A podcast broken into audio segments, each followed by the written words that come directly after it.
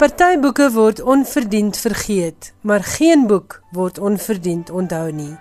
En met daardie woorde van die Amerikaanse digter W.H. Auden, heet ek jou hartlik welkom by nog 'n uitsending van Skrywers en Boeke. Ek is Elsje Saltzwedel en jy's ingeskakel op RSG 100 tot 104 FM. Dankie dat jy saam luister. En onthou ook om familie en vriende oor see te herinner daaraan dat hulle kan saam luister via ons webwerf by rsg.co.za.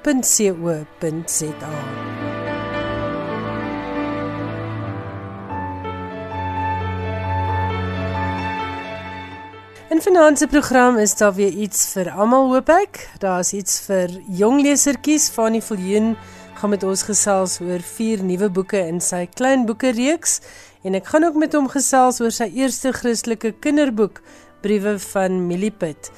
Dan gesels ek ook met Helene de Kok oor haar jongste roman Elisabeth se oorlog. In die derde aflewering van ons RSG radiodrama Slypskool gesels Ina Strydom vanaand spesifiek oor radiodrama en hoekom dit belangrik is dat klank die storie moet vertel.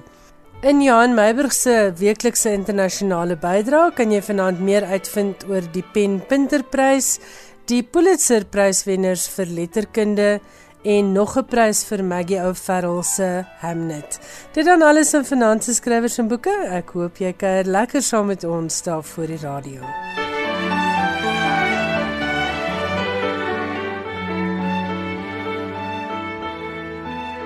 Ek gesels vanaand met Helene de Kok oor haar nuwe roman Elisabeth se oorlog. Goeienaand Helene en baie welkom by Skrywers en Boeke.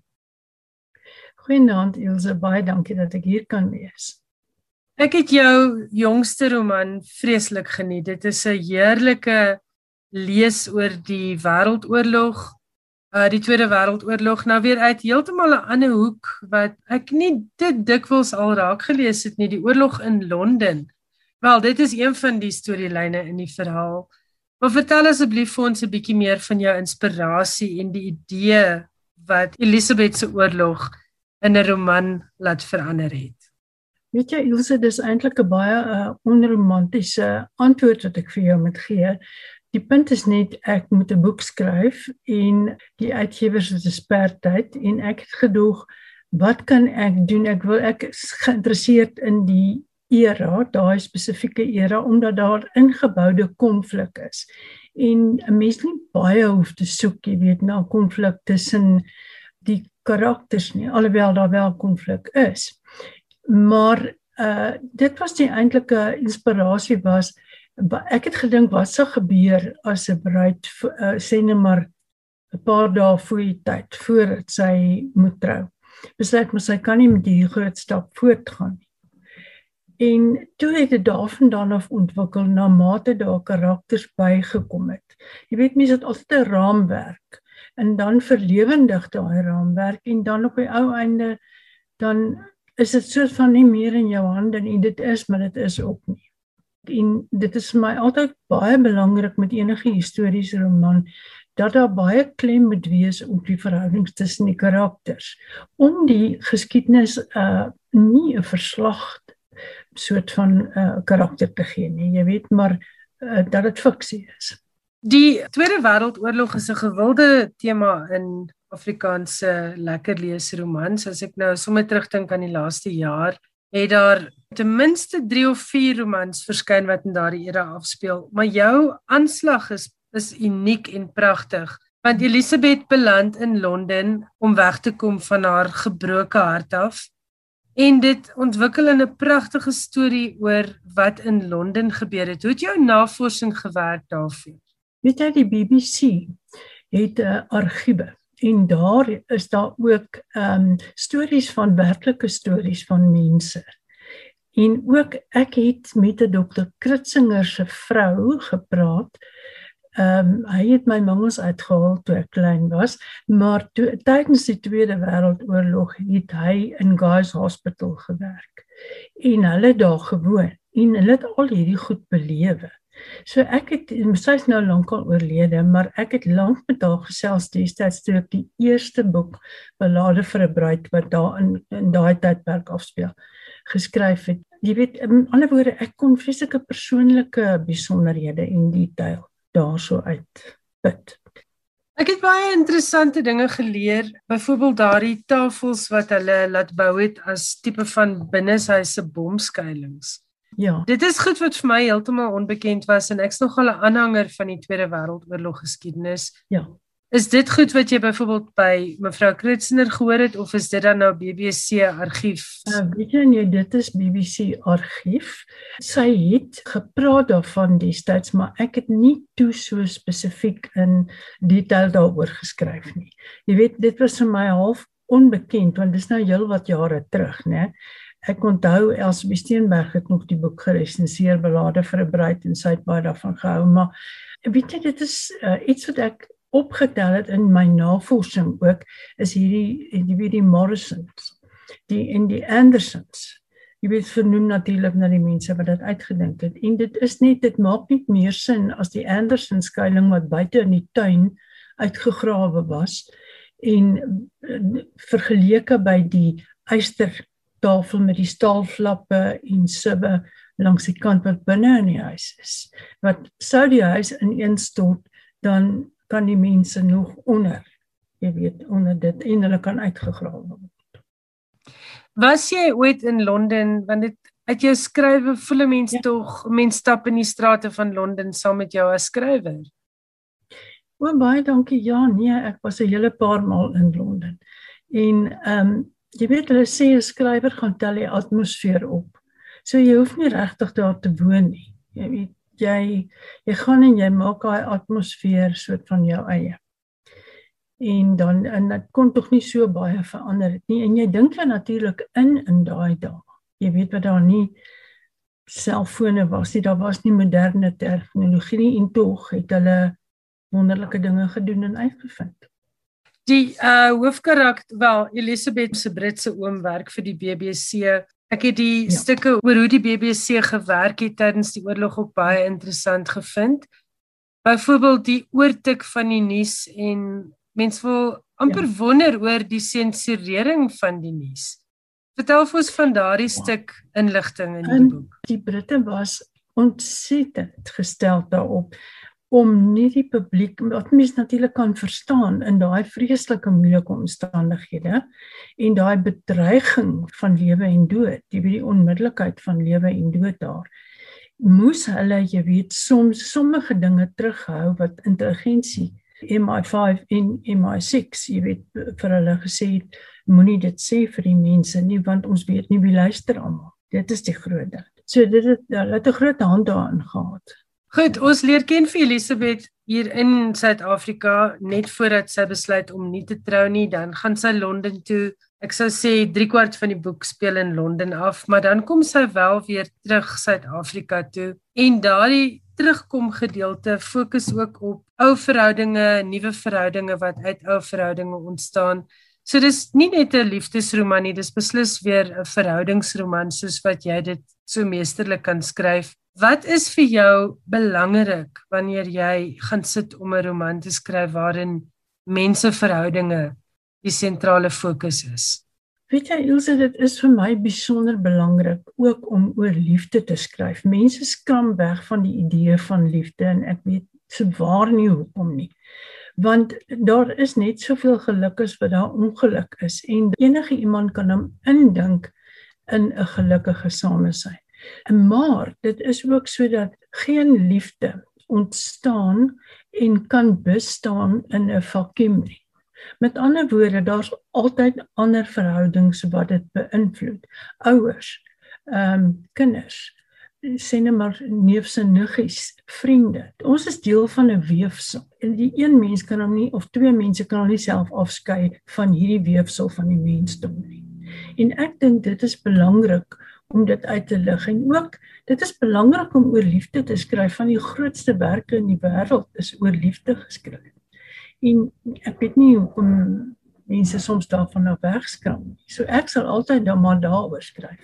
Dis vir my belangrik dat mense moet verstaan dat daar mooi verhoudings moontlik is en ook ongelukkige verhoudings moontlik is. Ek bedoel ek beeld nie net die die lekker van die liefde uit Eleni het so 'n paar jaar gelede jou doktorale tesis oor die skryfkuns gedoen. Jy is 'n baie suksesvolle bekroonde skrywer met 'n lang loopbaan agter jou. Jy skryf nog steeds, jy het nog steeds 'n klomp aanhangers en ek dink met elke nuwe boek maak jy vir jou nuwe aanhangers. Wat is die geheim van skryf? Ek wil eerstens vir jou baie dankie sê vir die mooi en gawe woorde. Dit is ek waardeer dit geweldig. Ehm um, weet jy dit is daardie X-faktor wat nie eers neuroloog kan hulle vinger op die plek lê in die brein waar dit ontstaan nie. Die geheim van skryf is dat jy jou kop bymekaar moet hou. Maar jy moet ook jou emosies kan beheer. Jy weet iemand het eendag vir my gesê dit moet lekker wees om jou emosies op papier uit te stort. Toe sê ek nee, maar dis glad nie wat mense doen nie. In my uh, proefskrif het ek uh, ook geskryf oor praktykgeleide navorsing en praktykgebaseerde navorsing. So 'n mens dink met jou beide jou regter en jou linkerbrein aanhoudend en jy herskryf aanhoudend. Ek het nou dag weer vir iemand gesê ek kan nie eers onthou of dit 37 of 38 keer of meer is wat ek 'n boek oorwerk nie. Want ek sien wat ek wou gesê het en dan verander ek dit of ek verbeter dit. Uh wat vir my interessant is is dat jy gekies het om 'n uh, 'n doktorale tesis oor die skryfkuns te doen want dit ek dink jy is baie reg as jy sê niemand kan werklik hulle vingers sit op wat dit verg en wat van 'n skrywer 'n skrywer maak nie. Maar as jy nou vanaand vir mense wat luister en wat droom van skryf moet raad gee, wat sal dit wees?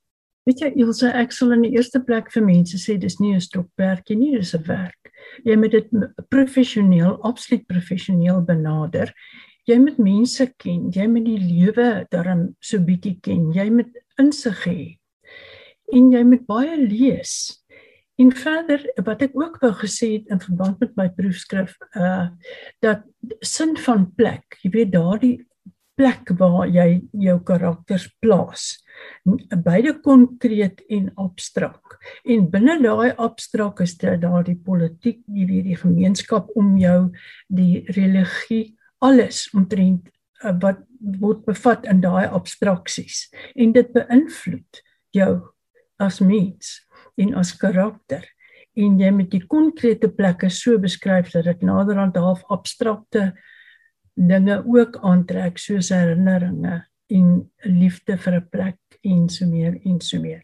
So dis dis ingewikkeld om te skryf. Dit is nie dis definitief nie maklik nie. Met elke nuwe boek besef ek net weer ek begin van voor af.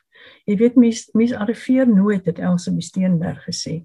Sy was 'n mm. goeie vriend van my op Potchefstroom en dit is baie waar. Mens arriveer eenvoudig nie jy moet besef jy jy leer altyd. Dis dis elke nuwe ding. Ek skryf op die oomblik 'n kontemporêre roman wat niks met die oorlog te doen het nie. En dit is ingewikkeld. Jy weet, mense verhoudings.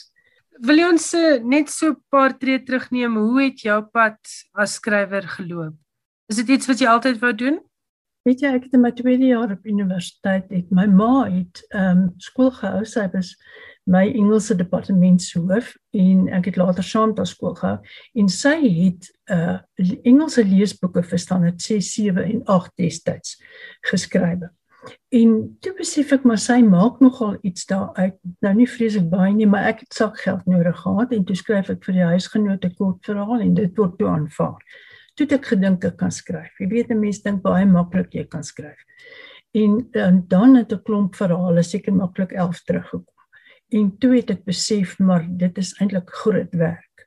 En toe ek na my kinders drie kinders se geboorte is, het ek besef nee maar dit wil ek nou eintlik graag doen. En so ek het so tussen skoolhouery en alles het ek nou maar geskryf en uh Koos Iman van die man in Rousseau ek sal dit nooit vergeet nie het my gebel eendag en gevra of hy van my huisgenoot uh, vervolgverhale in boekvorm kan uitgee en dis hoe dit begin het. En dit was eintlik soort van die eerste keer wat jy gedink het miskien het jy nou 'n kansie. Dis ja, maar jy weet ek dink met elke nuwe boek uh wonder ek of ek 'n kans het regtig. nie regtig waar want 'n mens weet nie omdat dit 'n nuwe boek is. Mm. En, en dit is so 'n uh, anderste boek wat ek nou opskryf dat ek eintlik nie weet nie Nee, dit is maar iets wat 'n mens sien. of 'n uh, um, redakteur en keerders daarvan gaan hou. Helene, in 'n geval baie geluk met Elisabeth se oorlog. Ek het dit baie geniet en ek kan dit beslis aanbeveel. Oh, vir mense wat lus is vir 'n Helene de Kok roman, maar ook vir iemand wat lus is om bietjie 'n ander perspektief op die Tweede Wêreldoorlog en sommer net 'n verlekker verhoudingsroman te lees. Baie dankie dat jy vandag met my gesels het. Baie dankie Ilse, dit is altyd lekker. Helene de Kok se roman Elisabeth se oorlog word uitgegee deur Human en Resou. In die volgende insetsel gaan ek gesels met Fanny Viljoen oor 'n paar splinternuwe kinderboeke uit sy pen wat pas by Lapa Uitgewers verskyn het. Kry gerus 'n pen en papier want as jy jong lesers in die huis het, sal jy dalk hierdie boeke se name wil neerskryf. Jy luister na skrywers en boeke, jou belangrikste bron oor Afrikaanse boeke. Ek gesels vanaand met Fanny Viljoen, baie bekende kinderboekskrywer van Bloemfontein. Goeienaand Fanny en baie dankie dat jy met skrywers van boeke gesels. Dankie Ilse, is lekker om met jou te gesels. Vertel nou eers gou-gou vir my, hoeveel boeke het jy nou al op jou kerfstok? Ehm um, ek dink is dalk nou so 'n bietjie meer as 80. Ek is nie seker nie. dis nou eie eie boeke, kinder- en jeugboeke, dis nou nie vertalings en al die ander uh, kinder- en jeugboekwerk. Ja, dis dis nou waar dit moeilik raak om die boeke te tel, né? Want daar's boeke wat saam met ander mense geskryf is, boeke wat vertaal is. Uh ja, so ek weet nie wat meer wat, hoe tel jy die boeke? uh maar ja, maar daar's daar's 'n hele klomp. Hulle staan my rak vol. En jy skryf nou hoeveel jaar al voltyds? Ek dink ek het omtrent, maar nou praat ek ook weer onder korreksie. Seker omtrent so 2004 rond was die eerste boek omtrent gepubliseer. En ek het kort daarna besluit om voltyds te gaan skryf. Ek het mos by Sanlam gewerk. Ek was 16 jaar by Sanlam. En in daai tyd het ehm um, dit gebeur dat van my boeke aanvaar is en ek het toe mos besluit ek wil kyk of ek 'n lewe kan maak uit skryf. Ja, en so ek doen dit nou al vir jare en ek is dit was een van die beste besluite wat ek gemaak het. Ek is so dankbaar dat ek dit wel gedoen het. Ehm um, want mense is maar skrikkerig. Almal sal vir jou sê jy kan nie 'n lewe maak uit skryf nie veral nie in Afrikaans nie. Jy doen baie, jy doen kinderboeke van heel klein kleintjies af tot by tienerboeke. Van jou boeke is voorgeskryf vir ja. skole. Ja. En dit is sekerlik die rede hoekom jy kan aan die lewe bly van skryf alleen is omdat jy 'n groot klomp projekte basies gelyktydig aan die gang het. Ja, ek het daar's gedurig uh nuwe goed wat uh opkom uh, oor my tafel kom. Ek werk elke dag so aan so 2 3 projekte. Uh so ek sal die oggend dalk iets nuuts gaan skryf, bietjie later dalk proewe lees of so tipe iets uh eposse antwoord. Um en dan ook tussenin werk aan goed vir skole. Um boeke vir skole. Ek sit hoekom nou uh met iets op my rekenaar. Ek het sopas begin met 'n kort dramaatjie vir 'n uh, nuwe skoolboek. Um so daar's altyd seker uh ek wil amper sê 'n groterige projek wat op my tafel is wat ek in die oggende skryf van iets nuuts en dan uh hou ek af van om kleiner goedjies of uh net in die middag te doen of die die res van die dag. Want mens kan nie heeldag aan dieselfde boek sit en skryf nie. Dit dit put jou verskriklik uit. Um en jy kan nie kreatief bly die hele tyd nie. En ek hou daarvan om bietjie dinge af te wissel. Uh dalk uh, te gaan skryf van 'n studiegids of so tipe iets of 'n video te gaan maak oor van die boeke. Van die video's wat ek gemaak het byvoorbeeld vir YouTube vir skole is nogal baie gewild. Ek ek is baie verras om te sien hoeveel kinders en onderwysers kyk. Daar's byvoorbeeld video's wat ek gemaak het oor opstel skryf. En ja, dit dit dit lyk my dit dit werk en die die kinders geniet die die manier waarop 'n skrywer dan vir hulle kan vertel so skryf jy 'n storie. Ehm uh, want ek dink alle onderwysers weet dalk self nie. En is lekker is 'n lekker manier om met die lesers te kommunikeer. En die ding wat ek dink uh jou werk spesiaal maak is dat jy vir vir 'n wye mark kan skryf. Ek dink nou in een um asem sommer aan jou Lulu boeke wat verskriklike oulike boeke is vir dogtertjies. En dan hierdie maand sien ek nou byvoorbeeld twee tipe boeke wil ek nou amper sê. Dit is die Millipit boek wat nou pas by Lapa se nuwe druknaam Luka verskyn het en dan sit ek hier met klompie boeke wat julle noem die klein boek van en dit is allerlei interessante titels, toweragtige toertjies, fantastiese feite, grappige gewoontes en skrikwekkende spooke. So dis uiteenlopende goed en dit is nou net hierdie maand se aanbod. Kom ons begin met ehm um, die Millipit boekie wat by Lapa se nuwe druknaam Luka verskyn het. Vertel vir ons van briewe van Millipit. Die briewe Millipit is bietjie anders as van my ander boek wat ek geskryf het. Ehm um, Luka is is meer 'n 'n uitgewer wat Christelike of geestelike boeke uitgee en Lapa het my gevra het ek nie iets in die lyn daarvan ehm um, vir hulle nie. En ek het jare gelede het ek vir die NG Kerk Palisier in Bloemfontein uh vir hulle kerkkoerantjie het ek uh so elke kwartaal uh 'n bydrae gelewer uh 'n brief van Milipit en ons het toe al hierdie briewe van Milipit saamgesit in in hierdie uh bundeltjie so daar's so 'n hele paar briewe waarin Milipit uh dan met die leser sommer direk gesels. Hy soos hy skryf vir die lesertjie, skryf sy 'n brief. Nou Millipit is is so 'n bekkige hoender. Sy het eendag per ongeluk by die Foriese huis in Bloemfontein aangekom en uitgevind maar hulle het baie sappige wurms in hulle tuin en omdat sy 'n bietjie leierig is, besluit sy toe maar sy bly nou sommer hier by hulle. En sy skryf in elke brief skryf sy nou vir ons 'n bietjie oor hierdie vreemde Forief gesin en veral van die kinders Jaco en Janet en al die stoutighede wat die twee aanvang. En omdat Milipit so bekkig is, sit sy hierdie twee kinders sommer vinnig vinnig op hulle plek, maar sy leer hulle ook so 'n bietjie uh, lewenslessies. Uh, nou gewoonlik sal ek in die lewenslessies in my boeke sit nie, maar ek het gevoel met met hierdie boeke is dit al is dit bietjie anderster. So dit is boeke wat die kinders ook bietjie uh, waardes leer of van wat doen jy as jy in een of ander moeilike situasie kom? So sy sal gesels oor huiswerk afskryf. Uh wat moet jy doen as jy bietjie bangerig voel? Uh sulke tipe goeders. Die briewe natuurlik is propvol humor want Millipit is nie op haar bek geval nie. Sy sal byvoorbeeld onder andere skryf uh van haar uh of uh sappige hoenderboutjies uh omdat sy so baie wurms eet en sy gaan jou vertel van haar haar oh, tannie Petunia pik wat so verskriklik kla en so 'n klompie ander karakters en na elke afloop van elke brief is daar dan so 'n aparte afdelingkie wat vir die kinders bietjie meer vertel van van hierdie hoofstuk en daar sal 'n verwysing wees na 'n teksvers in die Bybel.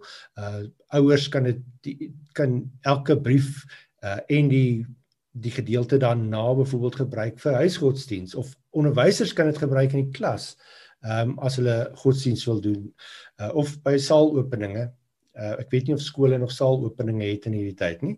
Maar ja, dit kan so aangewend word. Daar's 'n kort gebed wat die kinders op hulle eie kan bid of saam met pa en ma, daar's ietsie wat hulle kan doen en daar's ietsie waaroor hulle bietjie kan dink. Uh, elke hoofstukkie is gebou rondom 'n sekere tema soos vrees of so aan. En op watter ouderdomsgroep het jy hierdie boekie gemik?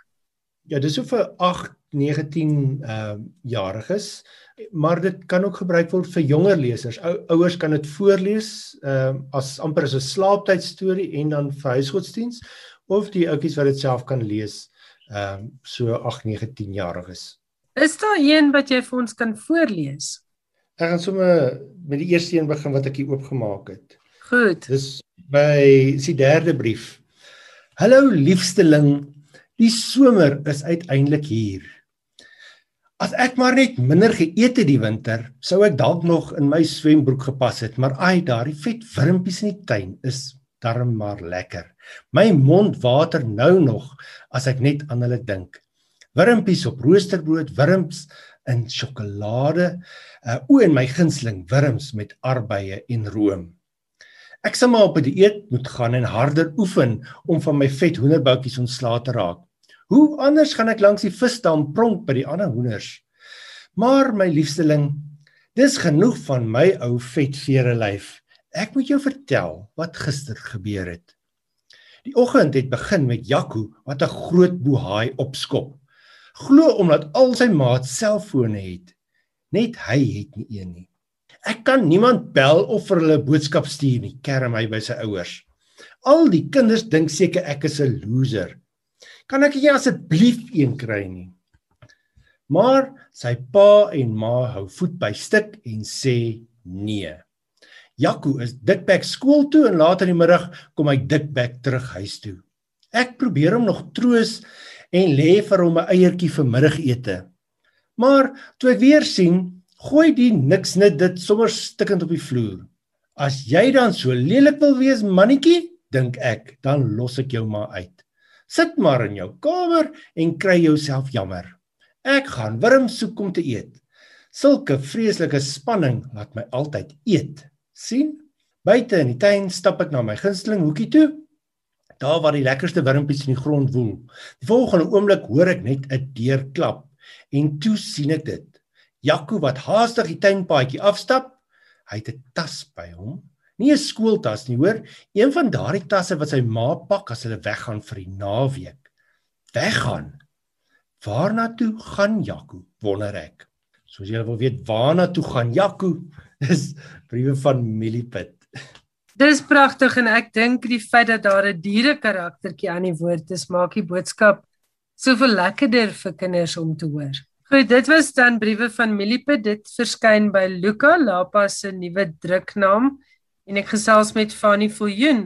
Fanny, kom ons praat 'n bietjie oor die klein boekreeks. Uh soos ek vroeër gesê, die klein boek van fantastiese feite, die klein boek van toweragtige toertjies, die klein boek van grappige gewoontes en die klein boek van skrikwekkende spooke. Dit is die vier wat ek nou hiermee sit. Maar daar is ook ehm um, nog nog fantastiese feite, gruwelike geheime, katastrofiese kattekwaad, reuse rekords, uh 'n hele lekker reeks uit jou pen. Op watter ouderdomsgroep is hierdie boekies gemik? Hulle is so vir so 10, 11, 12 jariges of kinders wat al self kan lees. Verlede jaar het hierdie eerste 4 klein boeke uh verskyn. Die doel van die boeke was om iets uh vir die jong lesers te gee wat nie te duur is nie en wat hulle maklik kan lees. Ons het mos 'n enorme leesprobleem eintlik in Suid-Afrika. So ons probeer dit so maklik as moontlik vir hulle maak en om hulle dan te vermaak. Nie alle jong lesertjies hou van storieboeke nie. Party van hulle wil bietjie meer goed weet, hulle wil bietjie leer oor die wêreld of hulle wil lag. Grappieboeke is mos verskriklik gewild. So dis 'n uh, amper 'n vorm van van van edutainment, edutainment, nê, van opvoedkundige vermaaklikheid. Ehm um, so dis dis ehm uh, boekies wat gerig is op daardie tipe lesertjies. So ehm um, dis grappige gewoontes vertel ek vir hulle van ehm uh, al die vreemde gewoontes wat mense in die wêreld het. Byvoorbeeld die mense wat so by mekaar kom om mekaar met tomaties gooi. Ehm um, daar is uh goed oor uh 'n fees van seekry is uh van uh gewoontes uh in in Thailand. Vertel 'n bietjie van Groundhog Day in Amerika. Van uh, soene uh hoe die die Franse mekaar op die wange soen en wat dit beteken en so aan. Hoe groet mense mekaar in Nigerië? Uh Griekse gewoontes. So allerlei vreemde gewoontes van reg oor die wêreld het ek in in die boekie gesit. Uh ook die illustrasies vir hulle gedoen met die uh fantastiese feite daar was vir hierdie jaar 'n fantastiese feite boek en ons het besluit om uh nog een te maak so dis die klein boek van nog fantastiese feite. Daar vertel ek byvoorbeeld goed van uh soos die vrou wat haarself gekry het.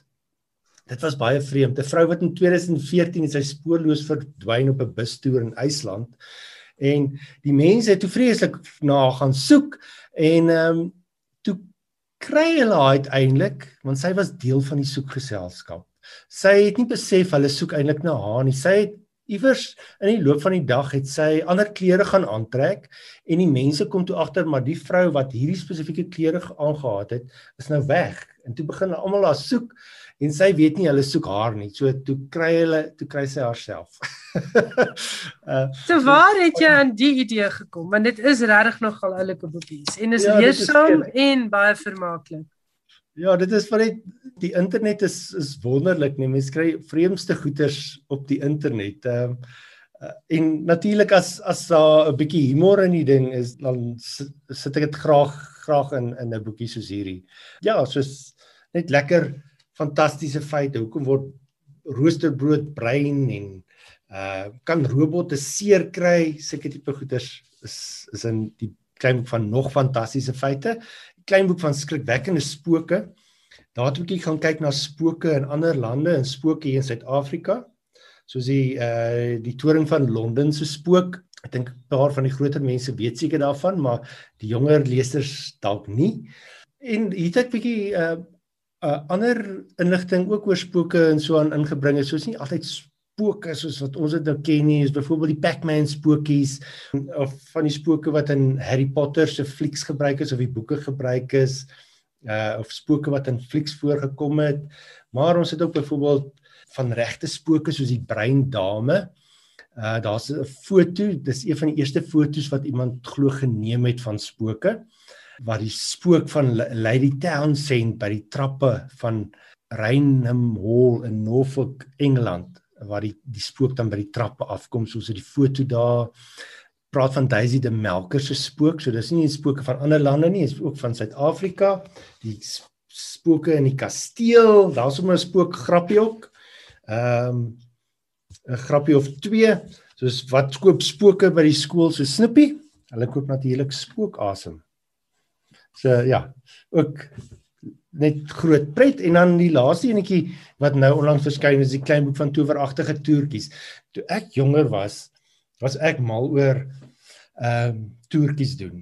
Ek het een Kersfees het ek so 'n boks gekry. Ek dink mense kry dalk nog van hulle.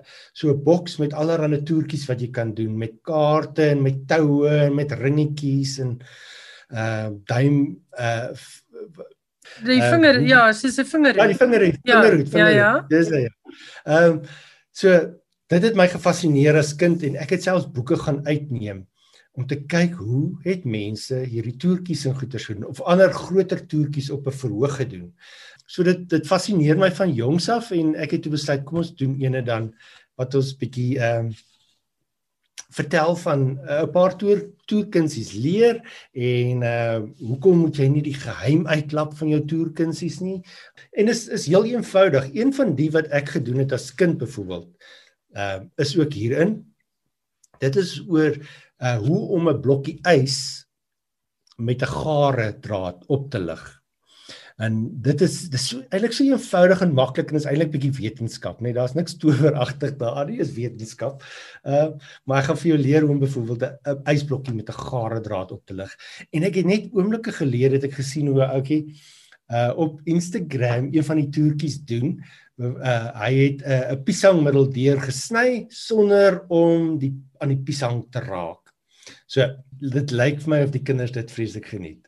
Uh ja en dis natuurlik lekker om die om hierdie goed te skryf nee want jy ontdek mos nou weer die kind in jou as jy nou as sulke klein boekies skryf.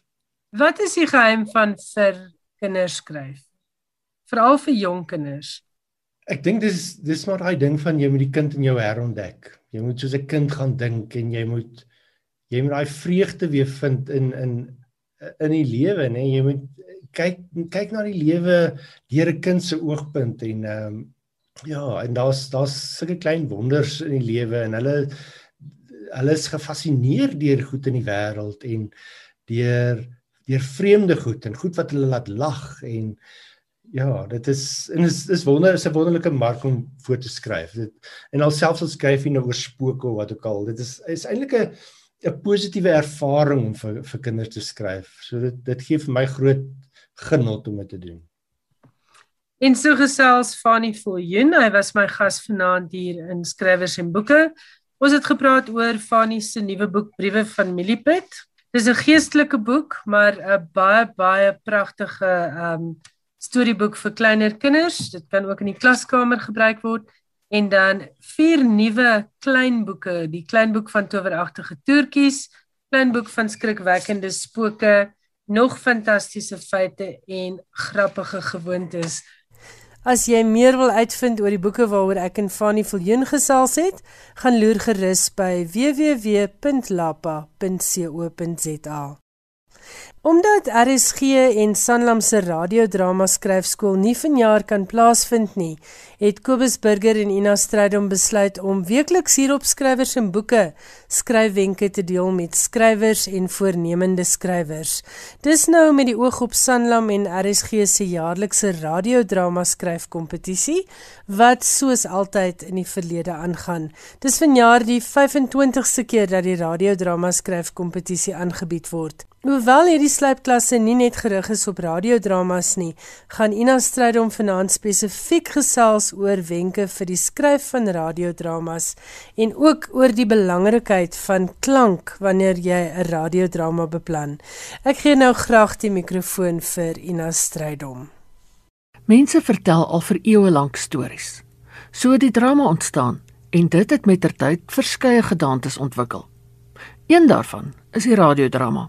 En anders as die ander forme van die drama, het die radiodrama nie grense nie. Dis 'n bekende sêding van radiodrama skrywers en regisseurs dat 'n mens met 'n radiodrama maan toe kan gaan, omdat die storie net met klank vertel word en die luisteraar kan in sy eie kop grensloos en kosteloos reis na waar ook al die drama afspeel. Die enigste beperkings is die skrywer, regisseur, spelers en die luisteraar se eie verbeeldingskrag of gebrek daaraan. Kollega Kobus Burger sê dit is een van die mees intieme maniere om 'n storie te vertel, want jy het net jou ore en jou verbeelding nodig. Die radiodrama is 0% visueel en 100% auditief. Omdat die radiodrama slegs op klank aangewese is, is die luisteraar as dit ware 'n blinde teaterganger. Hy visualiseer die gebeure in sy verbeelding op grond van sy lewenservaring, sy ouderdom en verskeie ander faktore. Hierdie deelname van die luisteraar word sy mees skepende vermoë genoem. Die radiodrama is 'n volwaardige dramadissipline en beskik oor al die elemente van die drama, met die uitsondering dat dit nie visueel is nie. Nou wat is daardie elemente? Dis 'n idee of 'n onderwerp, intrige of storielyn, 'n tema, 'n hoofmotief en neewemotiewe, milieu, konflik, kontras, spanning, handeling, karakters en dialoog. Die skrywer maak van musiek en byklanke gebruik om die milieu en dekor te skep. Akteurs moet hulle stemme gebruik om emosies uit te beeld. Hartseer en woede en vreugde en verbasing moet gehoor kan word, omdat dit nie gesien kan word soos op die verhoog of die televisieskerm nie. Maar ons leef in 'n samelewing waar ons almal visueel dink en daagliks met duisende beelde gekonfronteer word. En dis juist dit wat die grootste struikelblok is vir beginnerskrywers van die radiodrama. Jy moet jou storie dus nie verbeeld nie, maar verklank. Die skrywer moet homself deurgaans afvra: Wat hoor die luisteraar? Want die luisteraar moet deur sy gehoor kan sien tussen aanhalingstekens wat in die betrokke toneel gebeur. 'n Radiodrama moet in die eerste plek 'n sterk en boeiende storie wees wat die luisteraar vir 'n uur of langer kan boei en dit moet reeds vanaf die eerste minuut kan gebeur. Voor die skrywer dus oor byklanke en ander tegniese aspekte van die radiodrama bekommerd raak, moet hy eers weet dat hy 'n sterk storie het, goeie karakters, geloofwaardige dialoog en 'n goeie verhaallyn. Talle bekroonde radiodrama skrywers erken dat luister die beste raad was wat hulle gekry het. Hulle het radiodramas begin luister, waarvan daar natuurlik tientalle op RSG se potgoeie beskikbaar is en daardeur het hulle die fynere nuances van die medium begin verstaan. As jy 'n radiodrama wil skryf, kan jy na 'n RSG Sanlam wendrama luister en jouself afvra: Hoekom boei hierdie storie my? Wat maak dat ek luister en aanhou luister? Die bekroonde regisseur Wile Evert Snyman het gesê: "In enige storievertelling moet die luisteraar die hele tyd wonder wat gaan gebeur. Wat is volgende?" Om dit reg te kry, moet die skrywer presies weet waarheen sy storie gaan. Hy moet dit goed beplan. As die skrywer weet wat hy later in die storie wil onthul, kan hy subtiel goed plant. Die oplettende luisteraar sal begin raai wat gaan gebeur. Maar dit moet nooit te ooglopend wees nie. As die luisteraar presies weet wat gaan gebeur, verloor hy belangstelling. Die skrywer moet dus sorg dat die dialoog en die byklanke die storie so vertel dat die luisteraar verras en betower bly. In die volgende aflewering fokus ons op dialoog. Tot dan, lekker skryf.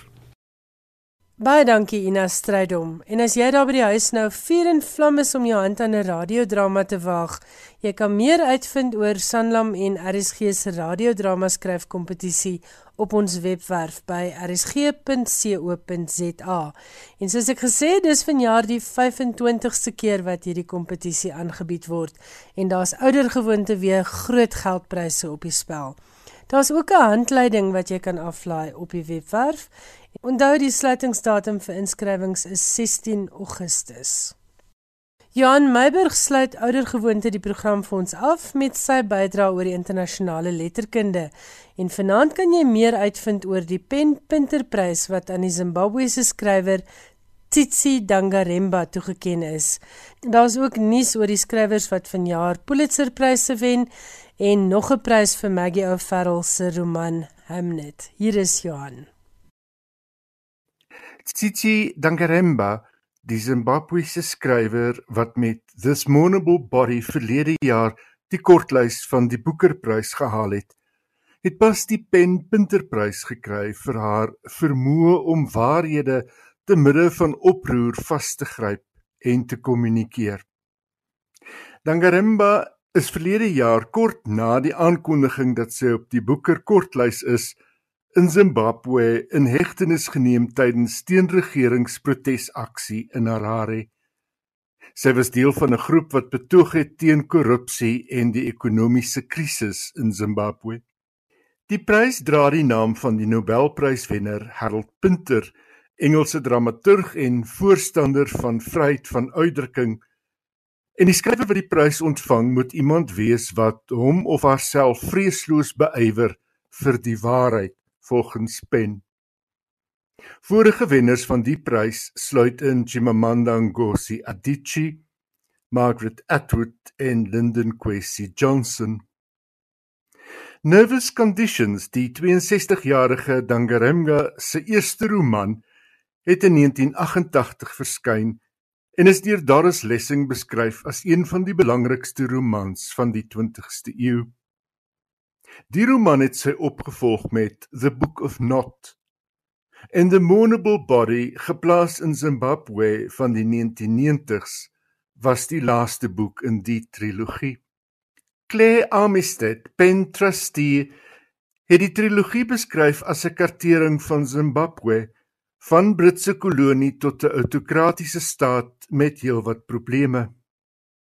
In haar boeke bring sy die pogings en die stryd van gewone mense onder die vergrootglas. Soos mense reg oor die wêreld wat in 'n toenemende korrupte orde goeie lewens probeer lei. Dangaremga se stem is een wat 'n mens nie kan of moet ignoreer nie, het Amistad gesê.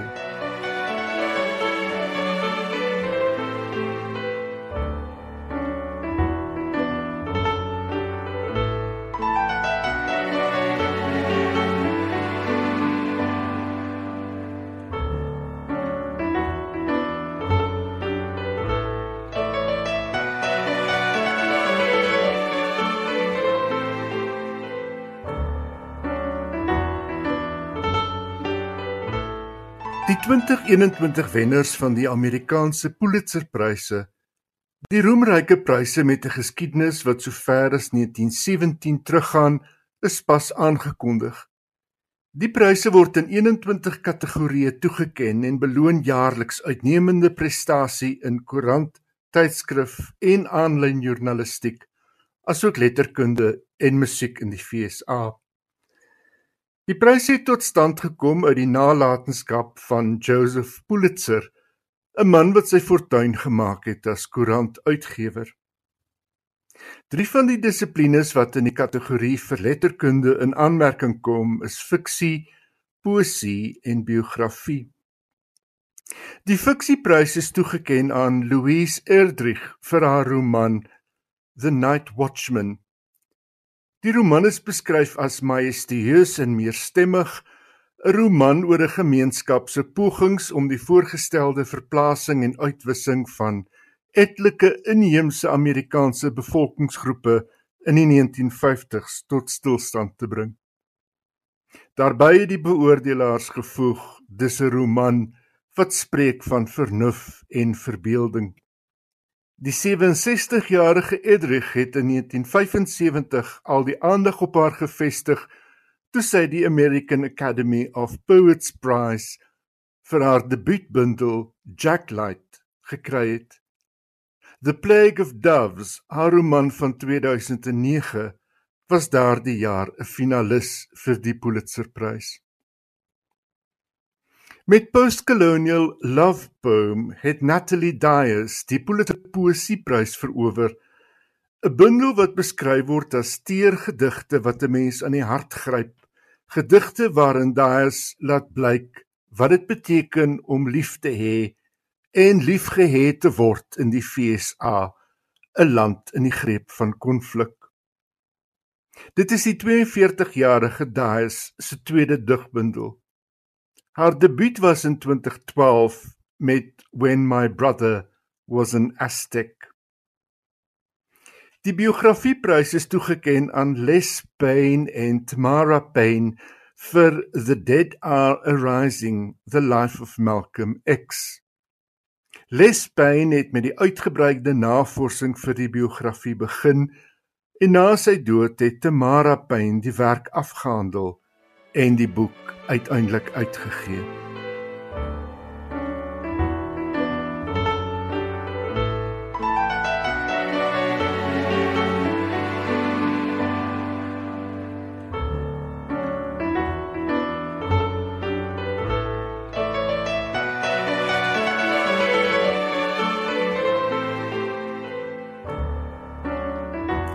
Die Brits-Ierse skrywer Maggie O'Farrell het nog 'n veer in haar skrywershoed gekry toe haar jongste roman Hamnet aangewys is as wenner van die fiksieprys op die pas afgelope Dokkie Letterkundefees in Ierland.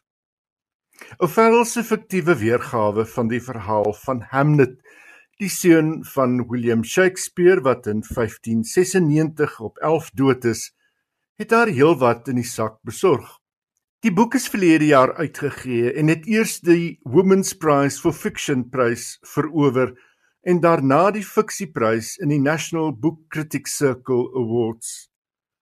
Daarbey is Hamlet gereken onder die 15 beste boeke van 2020, hoewel die roman vreemd genoeg nie benoem is vir die Booker-prys nie. Die roman was wel op die langlys vir die Andrew Carnegie Medalje en die kortlys vir die Walter Scott Prys. Die Dokkie Prys vir ontluikende skrywer is aan Elaine Feeney toegeken vir haar debuutroman As You Were. Die aankondiging van die prys is gedoen tydens 'n aanlyn geleentheid in die Martello Toring in die Ierse kusdorp. Hier is Maggie O'Farrell aan die woord oor haar roman Hamnet.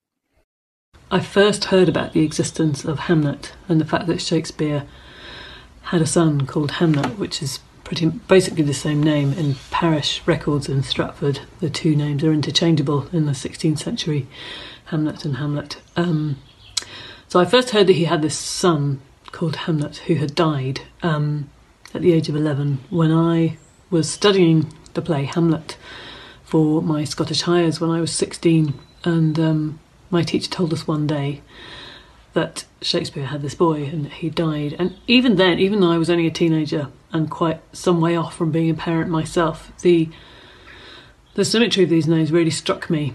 And for a man who is so mysterious to us and so little is known about him in his actual life, Shakespeare, he to call a play and probably his greatest tragic anti-hero after his dead son to me seemed to speak volumes. It seems like an enormous sign somehow. I'm not quite sure what it is, but then there's so much about Shakespeare that is is uncertain that we aren't sure about. Um, so to me, it seemed like a very important artistic decision and a very big sign to his audience. So I've always been fascinated by this boy.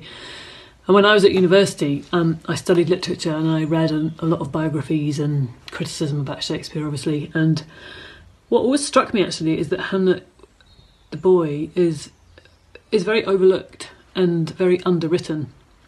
So I'd be reading these kind of massive 500 page biographies, and Hamlet might get, if I was, if he was lucky, two references in the back. Just his birth is mentioned, and then his death is mentioned, and the death was always followed by um, several paragraphs about infant mortality in Elizabethan times, which of course was very high, and the implication of which was that it wasn't really that big of a deal somehow because it was so common.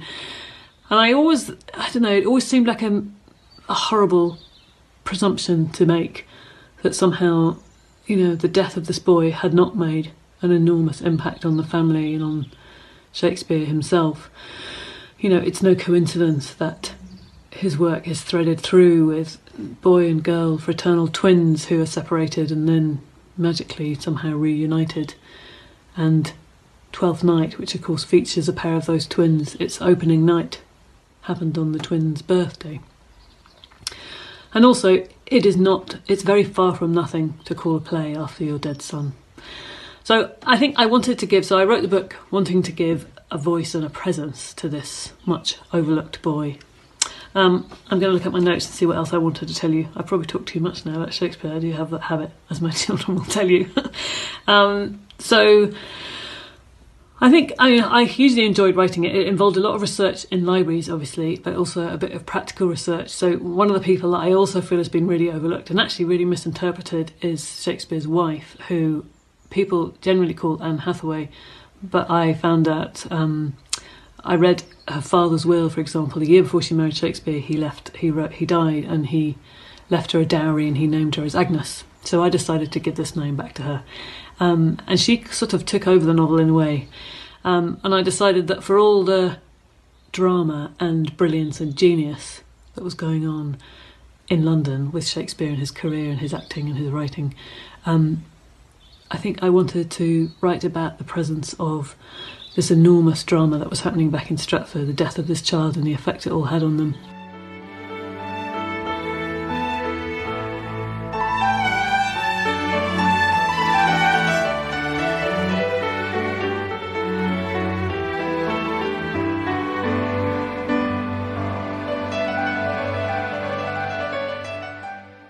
Dit was die stem van die Britse skrywer Maggie O'Farrell en sy het gepraat oor haar veelbekroonde roman Hamnet. Dis nou ongelukkig al waarvoor ons tyd het op finansies skrywers en boeke, maar baie dankie dat jy saam met my gekuier het. My gaste was Helene de Kok en Fanny Viljoen en baie dankie ook aan Ina Strydom en Johan Meiburg vir hulle bydraes. Onthou ons boeke afspraak vir volgende Woensdag aand om 8uur. En in hierdie tye waarin COVID so oral om ons woed, hoop ek jy het genoeg boeke om te sorg vir heerlike avontuurlike tye net daar by jou huis. Pas jouself en jou mense mooi op en lekker lees. Totsiens.